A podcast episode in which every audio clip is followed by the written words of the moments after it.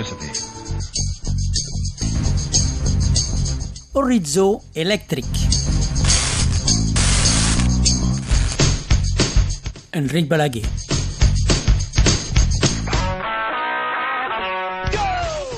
Aleix, tu ets un utilitzador de moto elèctrica. Eh, Com, com t'ha vingut i com has passat a l'elèctrica, a la moto elèctrica? Feies moto abans? Ets, ets un motorista? Sí, doncs jo sóc motorista des de que era molt jove. Ja, ja fa 34 anys que vaig en moto, eh, començant amb ciclomotor petit. Coneixent l'associació Voltour, en- ens va néixer la inquietud de veure com podria ser el anar amb una moto elèctrica. Llavors, eh, cap a l'any 2005, amb, amb el meu germà, vam agafar un ciclomotor i el vam convertir.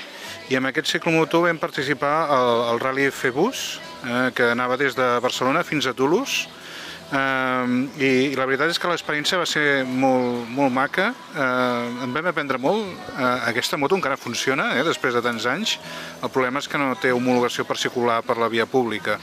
Llavors, uh, veient que era un, una cosa viable pel dia a dia, el, el meu principal mitjà de transport és la motocicleta per, anar a la feina, per fer encàrrecs, desplaçaments uh, propers. Uh, finalment vaig acabar eh, comprant un, un scooter elèctric i aquest és el que estic fent servir fins a aquest moment, eh? ja fa 12 anys.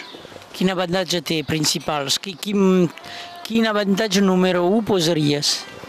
Home, eh, el, el baix cost d'utilització, la veritat és que eh, és molt fàcil, eh, té molt poc manteniment, els, els costos de, diguem, de reparació són, són molt baixos, té molt poques avaries i després la utilització, ara que ha pujat tant la benzina, eh, pot ser com 5 vegades més barata d'utilitzar eh, de cost de, de, de combustible, de consum, que no pas un- una motocicleta clàssica equivalent. Suposo que l'utilitza molt al nivell eh, medi urbà. Té les mateixes eh, performàncies que un scooter tèrmic.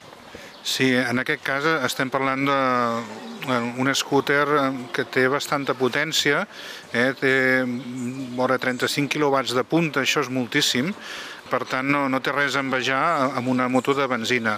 El problema és que si tu vols eh, treure tota aquesta potència el consum és molt alt. Per tant, normalment el que fem és una conducció ecològica econòmica eh?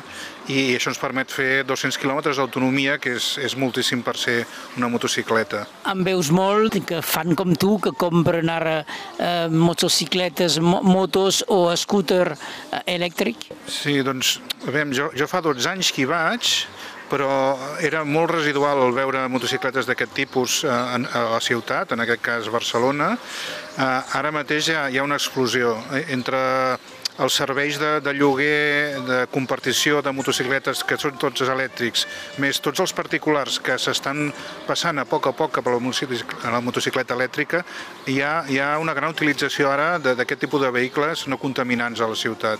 La gent ja està conscient que cal canviar de, de, de mètode de, de, de consum.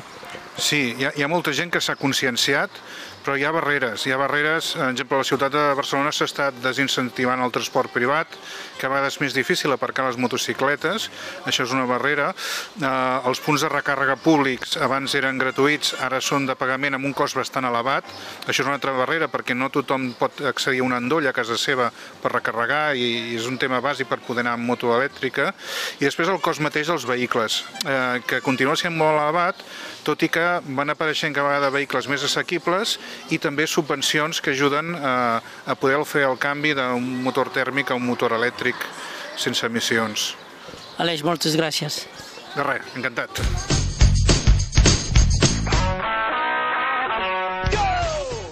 Horitzó elèctric.